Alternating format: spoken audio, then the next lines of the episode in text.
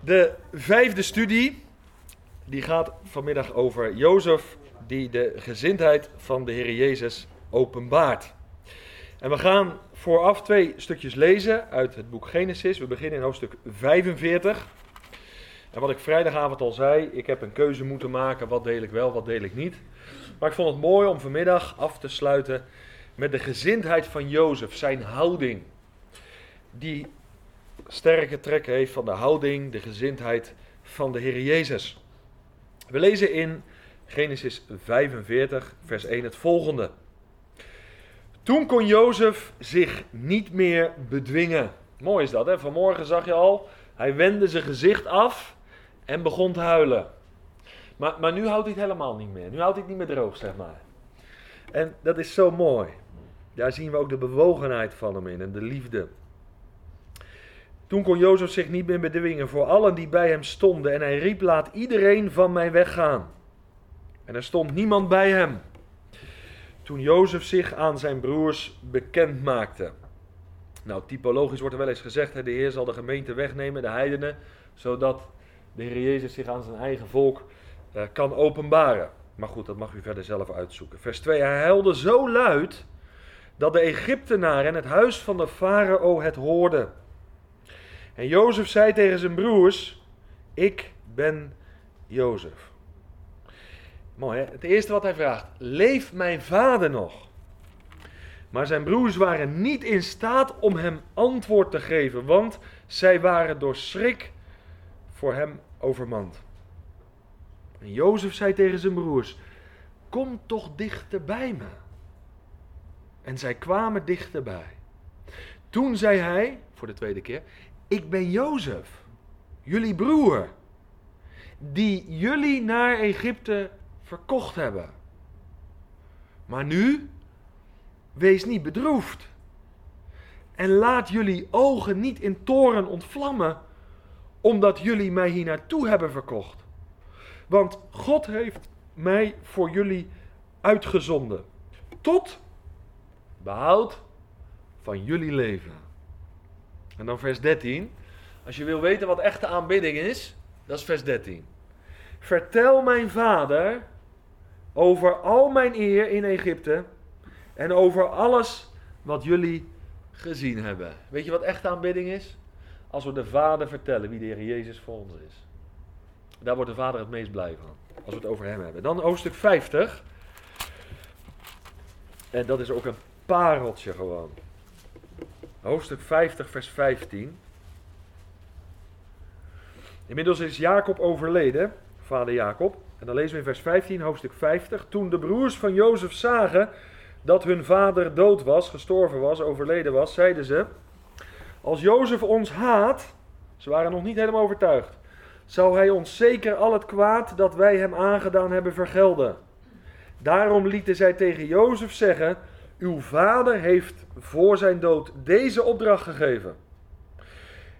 Dit moeten jullie tegen Jozef zeggen. Och, vergeef toch de overtreding van uw broers en hun zonde. Want ze hebben u kwaad gedaan. Maar nu vergeef toch de overtreding van de dienaren van de God van uw vader. Jozef huilde toen zij zo tot hem spraken. En daarna gingen ook zijn broers naar hem toe. Zij vielen voor hem neer en zeiden: Zie, wij zullen u tot slaven zijn. En Jozef zei daarop tegen hen: Wees niet bevreesd. Want zie, want sta ik soms op de plaats van God? Jullie weliswaar, jullie hebben kwaad tegen mij bedacht. Maar God heeft dat ten goede gedacht.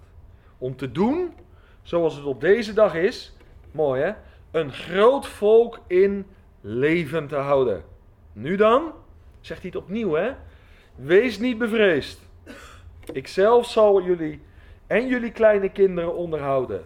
Zo troostte hij hen en sprak hij naar hun hart. Nou, eigenlijk hoef je niks meer te zeggen, toch? Dit is zo een fantastisch gedeelte. Ik, vind, ik krijg de tranen van in mijn ogen. Ik vind het echt heel mooi en dat komt uit de grond van mijn hart. En ik moest nog denken aan dat borduurwerk wat ik jullie heb meegegeven aan de achterzijde van het programma. Ik hoop dat je dat bewaart en dat je het af en toe nog eens doorleest. Soms zijn Gods wegen, misschien moeten we wel zeggen, heel vaak zijn Gods wegen uh, onbegrijpelijk. We kunnen hem niet narekenen. Hij gaat soeverein zijn weg. En zo is hij ook soeverein zijn weg gegaan met Jozef. Hij heeft zelf ingegrepen. Maar als je dan heel kort samenvat, vrijdagavond, zaterdagochtend, zaterdagavond, zondagochtend, dan zie je dat Jozef een, een heel bijzondere weg is gegaan. En je zou kunnen zeggen, hij heeft te maken gehad met afwijzing, hij heeft te maken gehad met onrecht, hij heeft te maken gehad met teleurstelling. En wat hebben die ervaringen, die situaties, die mensen die hem dat aangedaan hebben, nou met zijn leven gedaan? Je komt wel eens mensen tegen die zijn getekend door het leven. Dat je iemand na zoveel jaar ziet en dat je misschien tegen iemand naast zegt, die is oud geworden zeg. Onvoorstelbaar, getekend door het leven. En dan hoor je zijn levensverhaal en dan kan je misschien wel begrijpen ook dat hij, althans qua uiterlijk, zo snel oud is geworden, om het zo te zeggen. Het leven heeft hem getekend, veel meegemaakt. Nou, dan heb je het over de buitenkant. En daarin kan je het soms ook zien. Maar, maar wat heeft dit met het innerlijk van Jozef gedaan? Afwijzing, onrecht, teleurstelling. Oh ja, zeker, uiteindelijk is hij verhoogd. Na de uitleg van Farao's droom, dat hebben we gezien met elkaar. Wordt onderkoning. En vanmorgen hebben we gesproken over de hongersnood. Die uh, ook zijn broers raakt, zijn familie raakt. En uiteindelijk komt hij op een positie dat er bij hem overvloed is. En dat iedereen, alle landen hem weten te vinden. Maar het is wel door de weg van vernedering gegaan. En dat doet iets met je, toch? Ik denk dat er verschillende van jullie zullen zijn, of zijn, die kunnen getuigen van wat het leven met hen gedaan heeft. En natuurlijk, je mag nu weten in Christus een nieuwe schepping te zijn. Al het oude voorbij gegaan, ziet alles is nieuw geworden. Maar er zijn van die dingen, die gebeurtenissen in het leven, die neem je mee. En de genade van God was sterker, laat dat duidelijk zijn. Maar je kan erdoor getekend zijn. En sommige mensen, die worden bitter naarmate ze ouder worden. En de vraag is, heeft ons leven ons beter gemaakt of bitter gemaakt? Kijk, Hanna is ook zo'n prachtig figuur natuurlijk. Ik heb in Zwitserland gesproken over Hanna. Ja, daar kan je ook eindeloos over spreken. Ik spreek graag over personen en karakters. Dat was een vrouw die was ook overal doorheen gegaan, maar ze kwam bij God zelf uit in Shiloh. Nou, Shiloh betekent rustaanbrenger of vredestichter. Ze was teleurgesteld in heel veel dingen en ook in mensen. Maar ze kwam bij God uit. En dan staat er zo mooi 1 Samuel 1 en haar gezicht stond niet meer als voorheen. En toen was ze nog niet in verwachting hoor. Want in de versen daarna lees je dat ze gemeenschap had met elkaar. Nou, dat kwam daarna pas. Maar haar gezicht stond er anders. Ze was bij God uitgekomen. En ze had van haar last Gods last gemaakt. Dan is aan de buitenkant nog niet alles opgelost. Maar innerlijk was ze een nieuw mens geworden. En dat is zo mooi. Als je God mag kennen als je vader, heel persoonlijk. Dan mag je van jouw probleem zijn probleem maken. Met eerbied gesproken. Dan ga je vertrouwelijk met hem om. Nou, mijn vrouw Annette zei wel eens tegen me: Ik vind jou een beetje vrijpostig in de omgang met de Heer. Ik zei: Nou, dat zie je toch verkeerd. Dat heeft te maken met vrijmoedigheid. Uh, het begint hetzelfde, maar het is wel iets anders. Wij mogen vrijmoedig met de Heer omgaan. Van onze zorgen, onze last, onze problemen zijn probleem maken. Want hij heeft ons gekocht en betaald. Hij houdt van ons, hij is betrokken op ons leven. Maar hij wil één ding niet: dat we bitter worden. En dit zie je in deze laatste studie heel duidelijk naar voren komen. Hij maakt zich uiteindelijk bekend. We hebben het gelezen in hoofdstuk 45 dat hij zich niet meer uh, kon bedwingen. Mooi, hè? het hoge woord moet eruit. En dat zegt hij tot twee keer toe. Ik ben Jozef. Hij zegt niet, ik ben Zafnat Panea. Dat zegt hij niet. Dat, had hij, dat zei hij niks. Nee, hij gaf de naam, hij uitte de naam zoals vader Jacob hem genoemd had. En moeder Rachel. Mooi hè? Dus die, die, die nieuwe naam, die laat hij even achterwege. Hij maakt zich bekend zoals die herkenbaar was. Ik ben Jozef. En dat is de eerste bekendmaking. Nou, die is al geweldig. De broers weten niet helemaal hoe ze zich moeten gedragen. Want ja, ze hebben al heel veel verteld en dat had hij woordelijk verstaan. Dus hij had het helemaal meegemaakt. En nou maakt hij zich bekend. Maar waar ik vooral naartoe wil is Genesis hoofdstuk 50, want ik zou het wat korter maken vanmiddag. En dan zie je iets heel belangrijks. Over hoofdstuk 45 kan je heel veel zeggen. Maar dit is toch wel heel tekenend. Want in hoofdstuk 50 is vader Jacob namelijk overleden. En mag ik het even in de taal van 2019 zeggen? Het was nog niet helemaal geland hoor bij die broers. Ze hadden nog een beetje achterdocht. Ze hadden nog niet dat volle vertrouwen in hun broer. En hij had al gezegd: Ik ben Jozef. En weet je wat hij ook gezegd had? Wees niet bevreesd. Ik moet denken aan iemand. Die zich na de opstanding als eerste bekend maakte aan zijn discipelen. En het eerste wat hij zei: Vrede zij u. Zoveel als wees niet bevreesd. En daarmee maakt Jozef zich bekend. Wees niet bevreesd. Maar de vrees is er nog niet uit hoor in hoofdstuk 50. Die is er nog. Soms kan je wel eens wat tegen mensen zeggen, maar ze aanvaarden het niet. Ze nemen het niet aan. Net als vanmorgen over die vergeving. Ik schenk je vergeving, maar als je het niet aanneemt, heb je de vreugde niet. En als je gewoon eenvoudig zegt dank u wel, dan ontvang je die vergeving, maar dan beleef je ook de vreugde van vergeving. Mag ik het eens zo zeggen? Jozef wilde in hoofdstuk 45 zijn broers ontvrezen. Dat werkwoord kende je nog niet, tot dit weekend. Hij wilde ze ontvrezen. Maar de vrees zat er nog flink in. Wat is het jammer. Als de Heer Jezus zich bekend maakt in al zijn heerlijkheid, volheid en kracht. En hij tegen je zegt: wees niet bevreesd. En dan gaat het niet alleen over de vergeving van onze zonde, de zondeschuld, maar ook, ook in de gewone omstandigheden van het leven. En je neemt het niet aan. Dan biedt hij je iets aan waar je niet uit gaat leven. Nou, er zijn heel veel mensen, ik heb het vanmorgen al gezegd, die weten veel met hun hoofd. Maar wanneer heb je de vreugde in je leven? Als je het geloof met je hart en eruit gaat leven. Alleen kennis maakt opgeblazen. En nogmaals, ik ben altijd geïnteresseerd in het leven van iemand. Daarom in mijn prediking en bijbelstudie vind je altijd het accent op de praktijk. Het gaat om het leven. Ik wil niet alleen veel weten, ik wil ontvreesd leven. Als je begrijpt wat ik bedoel. Want vrees, angst, daar ga je niet van leven. Dan ben je in de kramp. Dan komt er ook niks uit je handen voort als je bevreesd bent. Maar als je in de rust bent, in de overgave, dan kan je zingen hoe groot is het genot van de wandel met God. En Jozef gaat in de herhaling, ook daarin lijkt hij op de Heer Jezus. Mooi, wat een geduld, wat een genade, wat een liefde, wat een bewogenheid. Nou, er zei ooit een predikant tegen me, ik ontdekte de boodschap van de rechtvaardiging van de goddelozen door het geloof alleen. Dat was voor mij openbaring, 20 jaar geleden. Hij zegt, sommigen moeten die boodschap 10 keer horen, de anderen 30 keer, de anderen 300 keer, totdat het land. En als het land en je neemt het aan met je hart, dan ga je eruit leven. Dus soms ook als spreker, als prediker moet je geduld hebben.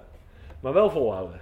Niet opgeven. Jozef, Genesis 50, hij openbaart zich opnieuw. Want wat is het probleem? Nou, sowieso, Jacob is overleden. Maar de broers die denken, nu zijn de rapen gaar.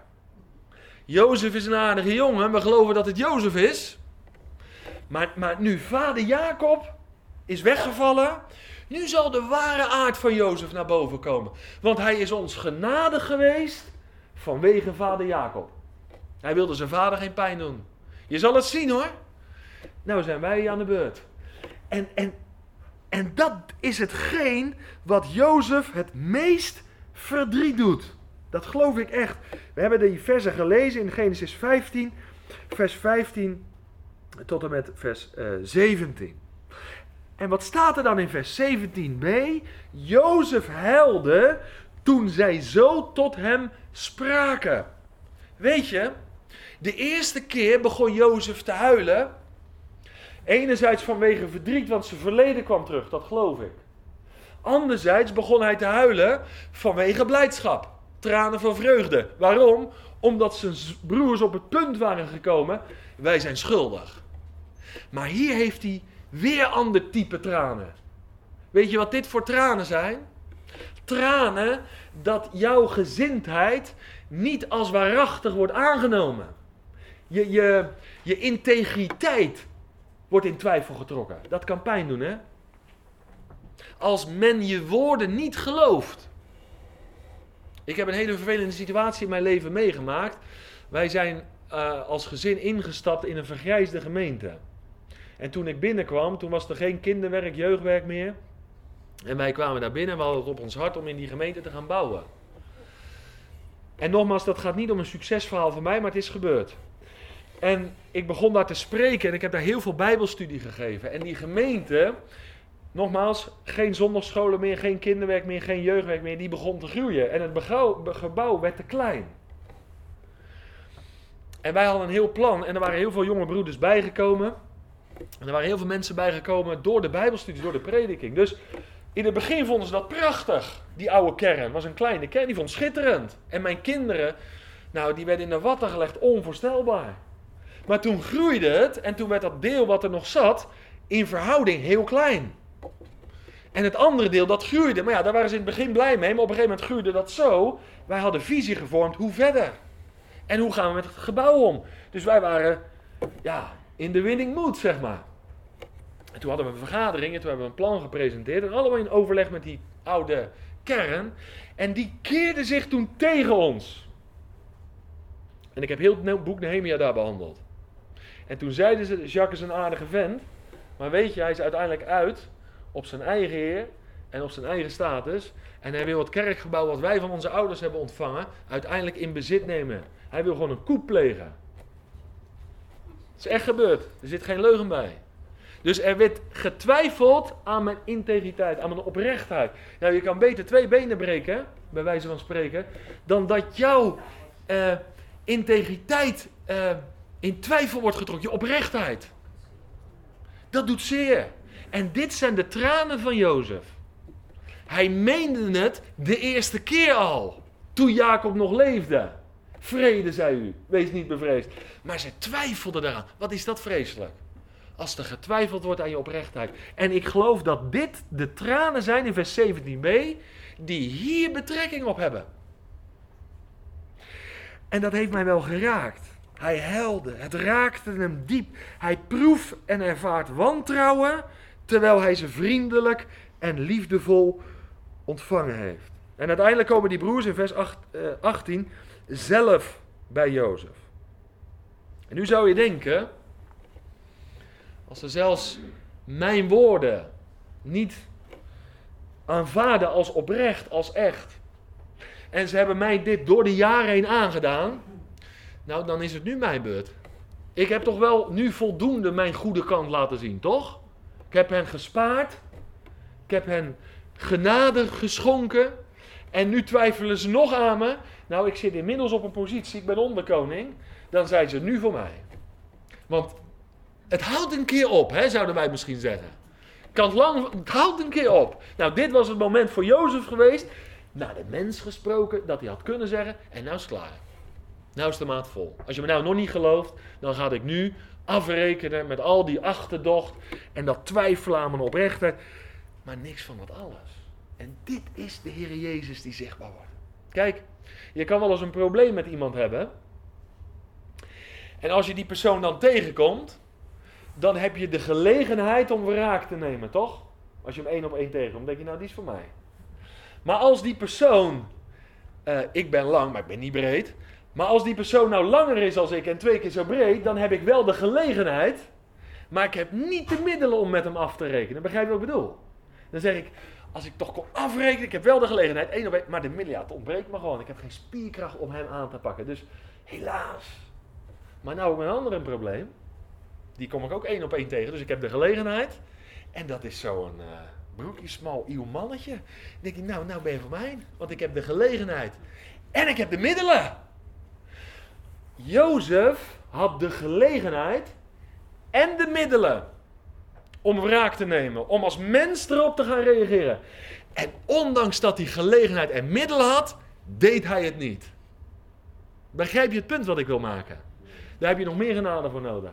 Want als je gelegenheid hebt en geen middelen, ja, dan gaat het gewoon niet. Maar als je gelegenheid hebt en middelen, heb je extra genade nodig om niet vanuit je vlees te reageren, spreek het onder een nieuwe verbond, maar om door de geest te blijven leven. Vanuit de gezindheid van de Heer Jezus. En dat zie je hier gebeuren. Ik moest ook denken aan 1 Samuel 14, 24. Sommigen die in Zwitserland weten, die, die, die herinneren zich dat nog. David en Saul in Engedi, dat is een geschiedenis. Die, die, die, die uh, dienaren, die knechten van David, die zeggen: uh, uh, David, hij zit op toilet. Het is nu de tijd om wraak te nemen. Die man die staat je naar het leven, je eigen schoonvader. En dan staat David daar en die mannen van, van David, die kijken, hoe zou die nu gaan reageren? En ze wilden hem graag een handje helpen. Wij zijn er hoor. Zeg het maar. En dan snijdt hij slechts het slipje af. Stukje van de mantel. Ik had erbij willen zijn. En dan van afstand roept hij mee: Mijn Heer de Koning. Staat hij. En dan denk ik zo: Hij is zo dichtbij geweest met dat zwaard. Als hij gewild had. En hij had naar het vlees geleefd. Had hij mijn kopje kleiner gemaakt. En dan zegt hij: Jij bent rechtvaardiger dan ik. Dat beleid zal, hè, naar David toe. Ik zeg altijd: Kinderen en dronken mensen spreken de waarheid. Hè? En als je in een glazen huisje woont, zeiden ze tegen mij in het Westland, moet je niet met stenen gooien. En zo is het. Want men gaat kijken hoe gaan we reageren hè, op situaties. Hoe zou Jozef gaan reageren? Hoe reageerde David destijds? En hier zie je dat hij uiteindelijk reageert vanuit de gezindheid van de Heer Jezus Christus. En misschien komt er nou in jouw gedachte, in uw gedachte, ook wel een situatie naar boven of een persoon. Waardoor je hart vervuld is met wraakgevoelens. Personen of situaties waar je doorheen bent gegaan of die je wat aan hebben gedaan. Dat je zegt, er is onrecht in mijn leven, Jacques. Ik heb te maken gehad met afwijzing. Ik ben echt afgewezen, ik kan, kan een boek schrijven. En onrecht heb ik ervaren op allerlei gebied. En als ik, als, als ik vanuit mijn vlees reageer, nou ja, dan kan ik als mens, luister goed, als mens kan ik heel ver met je meegaan. Kan ik nog begrijpen ook. Alleen we staan altijd voor een keuze, hè? Leven we door het vlees of leven we door de geest? Je hebt altijd een keus. Je hebt een keus. Alleen de vraag is, spreken wij onze wil nog aan? Of laat, ja dat voel ik nou eenmaal zo. Ik kwam ooit in een samenkomst, komt er een vrouw naar me toe. Toen had ik het over het gevaar van de tong. Zegt ze tegen me, ja ik ben gewoon een flap uit. Dat ben ik nou eenmaal. Ik zeg, nou, dan moet jij je gewoon bekeren. ik ben nou eenmaal een flap uit. Je moet ook je tong brengen onder het beheer van de geest van God. Ja, maar ja, mijn oma, ja, ik, ik heb niks met je oma. Het gaat om de gezindheid van Jezus. En dat wil de Heer bewerken. Dat je alle uh, ledematen, mag ik het eens zo zeggen, brengt onder het beheer van de geest van God. Zodat met alles wat we meemaken, en dat is niet gemakkelijk, ook in het leven van Jozef, is dat niet gemakkelijk geweest, dat we toch leren om niet vanuit het vlees te reageren, maar vanuit de geest. Want we beleiden toch, wij zijn met Christus gekruisigd. Ik leef niet meer.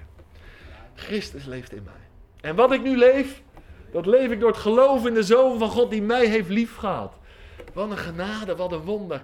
En laat het heel duidelijk zijn, dat is een proces in je leven. Drie stappen vooruit, twee achteruit, per saldo één winst. Dat leer je niet op één dag. Want het heeft met een kernwoord te maken. En dat kernwoord is zelfverloochening. En dat is wat Jozef hier praktiseert. Ik kan die tekst niet behandelen. Maar, uh, nou blader er maar wel even naartoe trouwens. Romeinen 12. Romeinen 12. Ik wil namelijk nog twee stapjes maken. Dit is de eerste, Romeinen 12.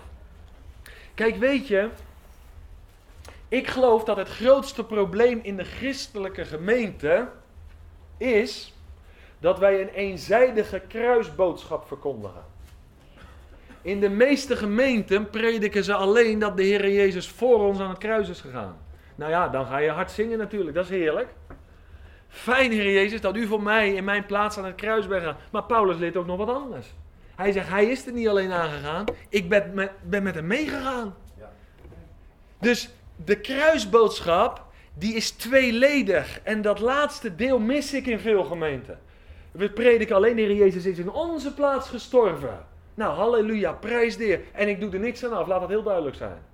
Maar die andere kant betekent dat mijn ik-gerichte leven aan het kruis is gegaan. Ik leef niet meer, maar Christus leeft in mij. Dus de kruisboodschap betekent hij voor mij en ik samen met hem. Daar hang je. Daar hangt die oude mens. Ik weet niet hoe jullie over toneelstukken denken. Maar er was eens een school, een basisschool, daar voerden ze een toneelstuk op. En dat ging over de kruising van de Heer Jezus. En er waren een aantal jongens die moesten dat uitbeelden. En één was de Heer Jezus, die hing aan een kruis. En een aantal vriendjes van hem, die speelden daarvoor dat kruis en die moesten hem belasteren en bespotten. En, maar op een gegeven moment begon er ook een te spugen. Maar ja, hij moest daar hingen als zijnde gekruisigd. toen begon zijn vriendje, waar hij altijd mee uh, knikkerde en voetbalde, die spuugde hem in zijn gezicht. Want het was natuurlijk een toneelstuk. Maar die jongen aan het kruis, die werd zo boos. Die, die kon het in zijn spel niet meer verdragen. Dus die wilde van dat kruis af. Nou, er was één ding duidelijk. Hij was nog niet gekruisigd. Begrijp je? Dus die tweevoudige boodschap. Hij voor mij en ik samen met hem. Dat betekent dat ik niet meer leef. En dit is de oplossing van heel veel problemen in de christelijke gemeente. Het gekruisigde leven. Echt hoor. Ik spreek heel graag over een drieluik. Ik heb het bij Jan en Heerde gedaan. Met Christus gekruisigd, met hem opgestaan, met hem gezet in de hemelse gewesten. Dat is voor mij een drieluik wat moet behoren tot het basis van het uh, Bijbelse onderwijs. Want dan ben je, ben je klaar met jezelf. Want je zit er vaak zo tussen.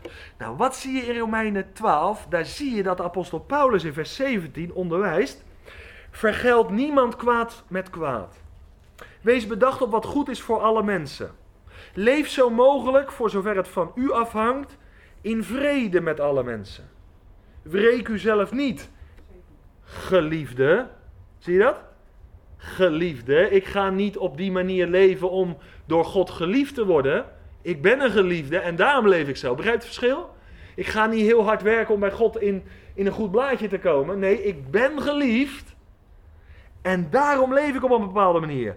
Laat ruimte voor de toren, vervolgt hij in vers 19. Want er staat geschreven: Mij komt de wraak toe. Ik zal het vergelden. Deze brief is geschreven door Paulus. Paulus is de meest beproefde broeder, zou je kunnen zeggen. Hij heeft veel geleden, enerzijds. Hij heeft veel van de heerlijkheid van God mogen zien, ontdekken, smaken, proeven. En in zijn leven is dit werkelijkheid geworden. Hij heeft veel onrecht geleden. En deze broeder onderwijst, vers 18 of 19, wreek u zelf niet. Kijk, als je nou niks in je leven hebt meegemaakt. En iemand zegt dat tegen je, dan zeg je, nou ja, goed, laat hem maar even, van een half afgelopen. Het komt niet echt binnen bij me. Maar Paulus onderwijst het. De meest beproefde, gelouterde broeder, die zegt, wreek zelf niet. Je zou het in de taal van 2019 kunnen zeggen: verschaf jezelf geen recht. Wees geen eigen rechter. Speel geen eigen rechter. En heel specifiek schrijft hij dus aan geliefde. En dit moet je goed begrijpen. Het besef geldt ook voor ons. Dat je geliefd bent door God. Dat besef moet het geleden onrecht en de doorstane pijn verzachten. Begrijp je wat ik bedoel? Het feit dat je door God geliefd bent, gekocht en betaald. In dat licht moet je het lijden en het onrecht zien. Hij die boven al die dingen staat. En gezegd heeft, ik ben met jullie al de dagen. In dat licht moet je ook leren het onrecht te plaatsen. Geef de toren geen plaats, zegt hij. Dat wil zeggen, geef God gelegenheid voor zijn toren, voor zijn oordeel. Weet je wat ik moet leren? om het oordeel de vergelding aan God over te laten. Dat is het allermoeilijkste. Maar waarom moet ik het aan God overlaten? Die velt een rechtvaardig oordeel. Dat wil zeggen, die oordeelt mensen die mij onrecht hebben aangedaan op een manier die recht doet aan die persoon en die recht doet aan die situatie. Niet te veel, niet te weinig. Nou, ik, ik oordeel met aanzien des persoons. Daar hebben jullie geen last van, maar ik wel. Kijk, ik kan twee mensen hebben die mij iets hebben aangedaan. En als de ene toch wat meer in mijn uh, karakter ligt, hè, dan zeg ik, nou ja, vervelend wat je hebt gedaan, maar goed. Ergens mag ik je ook wel weer. Jij komt er milder vanaf. Maar jij, ik heb totaal geen klik met jou. En je hebt ook onrecht. Jij hebt het zwaarder. Dus mijn oordeel is nooit rechtvaardig. Dus ik moet er niet aan gaan beginnen. Het geheim is, geef het over aan hem die rechtvaardig oordeelt. En hoe reageert Jozef? Mooi hè? Hij zei, jongens, mag ik eerlijk iets vertellen? Ik wil het helsplan van God ontvouwen. En hij zegt in Genesis hoofdstuk 50, het kwade dat jullie mij hebben aangedaan, dat is jullie redding geworden. Ik vind het wonderlijk. Hij, hij, hij benadrukt heel kort even het verleden. Hè? Hij heeft heel even het verleden aangeraakt. Toen hij zijn broers toesprak. Maar hij besteedt meer aandacht aan het plan van God Luister goed, dan aan zijn eigen onrecht. Hij besteedt meer woorden aan het plan wat God in gedachten had, dan aan wat hij aan onrecht en lijden heeft ondergaan. Dat is ook genade, hè? Ik begin eerder met mezelf dan met het helsplan van God.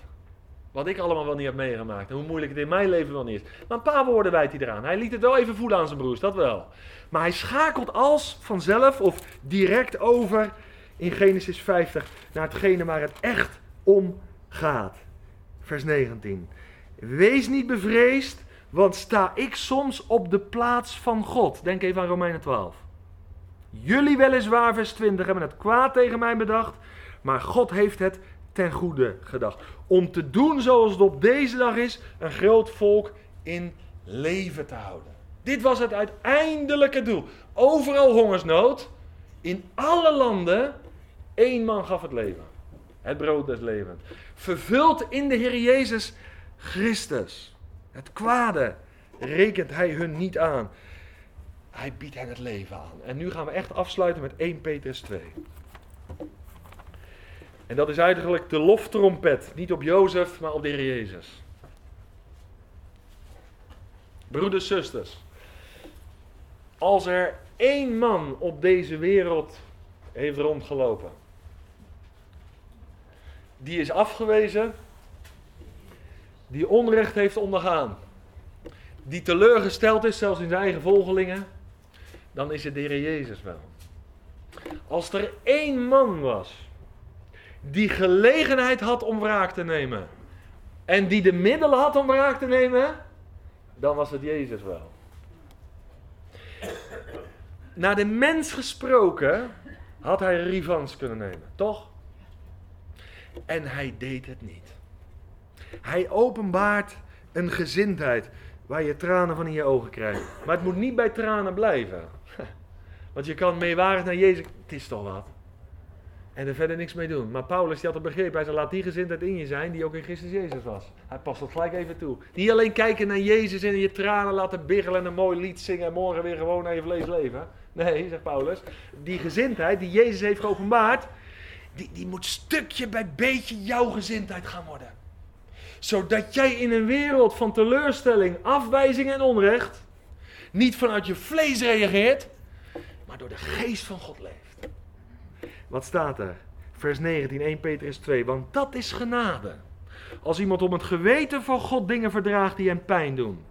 En daarbij ten onrechte leidt. Want wat voor roem is er als u het ook geduldig verdraagt wanneer u zondigt en daarvoor slagen ontvangt. Maar als u het geduldig verdraagt wanneer u goed doet en daarvoor leidt, is dat genade bij God. Nou komt hij. Want hiertoe bent u geroepen, omdat ook Christus voor ons geleden heeft. En hij laat ons zo een voorbeeld na, opdat u zijn voetsporen zou navolgen. Hij die geen zonde gedaan heeft, in wiens mond geen bedrog gevonden is, die toen hij uitgescholden werd niet terugschold, en toen hij leed niet dreigde, maar het overgaf aan hem die rechtvaardig oordeelt. Jozef zegt, zit ik op de troon van God? Ben ik God om jullie te oordelen? Jezus zegt precies hetzelfde. Die zelf onze zonde in zijn lichaam gedragen heeft op het hout. Opdat wij voor de zonde dood, lees je het goed? Voor de zonde dood, voor de gerechtigheid zouden leven. Door zijn striemen bent u genezen. Want u was als dwalende schapen, maar u bent nu bekeerd tot de herder en opziener van uw zielen. Broeders, zusters, deze levensstijl, de levensstijl die getekend wordt door genade, doortrokken is van het besef, wat is het dat ik niet heb ontvangen? Ik moet van genade leven. Van iets anders kan ik niet leven. Ik heb de Heer Jezus elke dag nodig.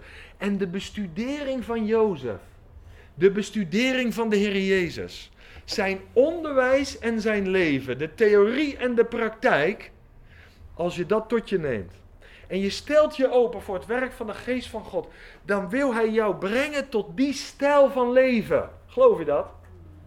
Even los van hoe je karakter is. Daar gaan we het even niet over hebben. Want als God je geschapen heeft, dan is hij ook in staat om met jouw karakter wat te doen. Daar ben ik van overtuigd. Ik heb het in mijn eigen leven gezien. Maar deze stijl van leven, die, die stijl niet van bitterheid, maar van genade, voorkomt in ons leven wrok en afgunst en bitterheid, maar geef juist vrede en rust.